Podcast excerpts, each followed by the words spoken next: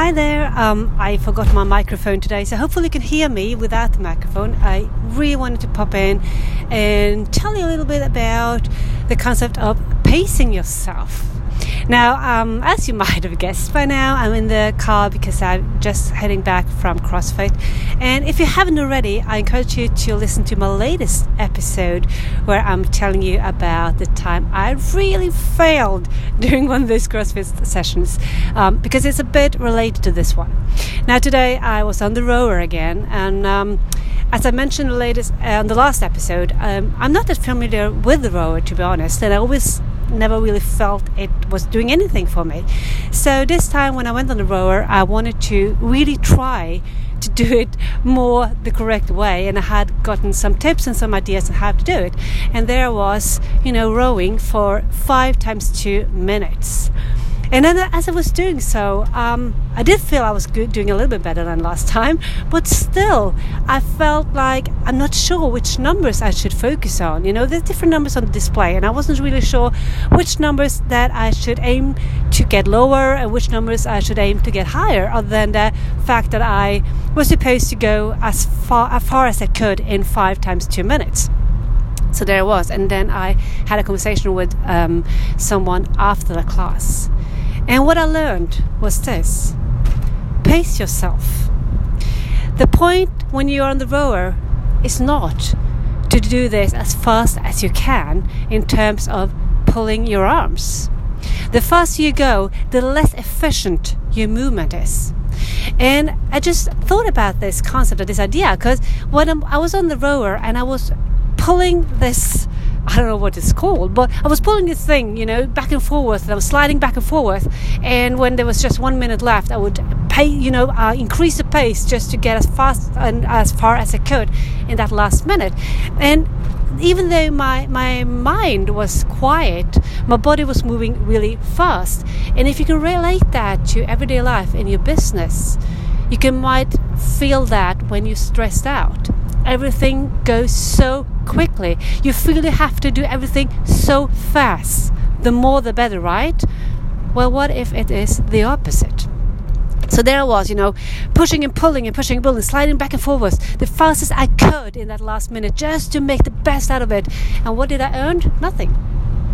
And what did I learn? If I had paced myself and done every movement slower, I would have more strength in each pull, which again would mean I would get further. Not faster, but further, which was the actual aim, the goal to go as far as I could. So, if you put that um, in relation to your everyday life and especially in your business, the same will apply there. When we rush around in our business, thinking we have to do everything at the same time as fast as we can, and you know, the more the better, the more we can say to ourselves we have done in less time, the better, right? No. And I'm guilty of this myself, so I'm probably saying this to myself just as much as, much as I'm telling you. It is probably the opposite.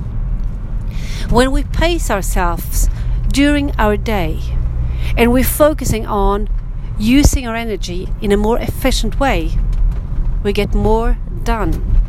And what we get done, we get done better. It's like our focus is on the quality and the focus in or on our actual work, the focus in what we are doing, not to just get most done. So I'm bringing this up because I you know the funny thing is that when I went this class today, my head was full, and I must admit I woke up this morning and I really had to work on myself, um, writing everything down and knowing and trusting that I will get it all done.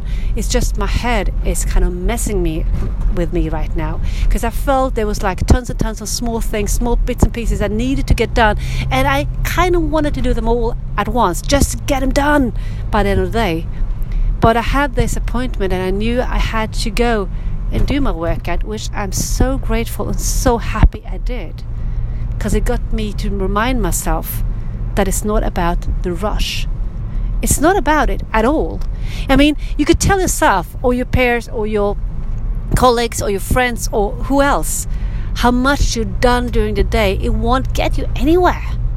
What matters is the actual result.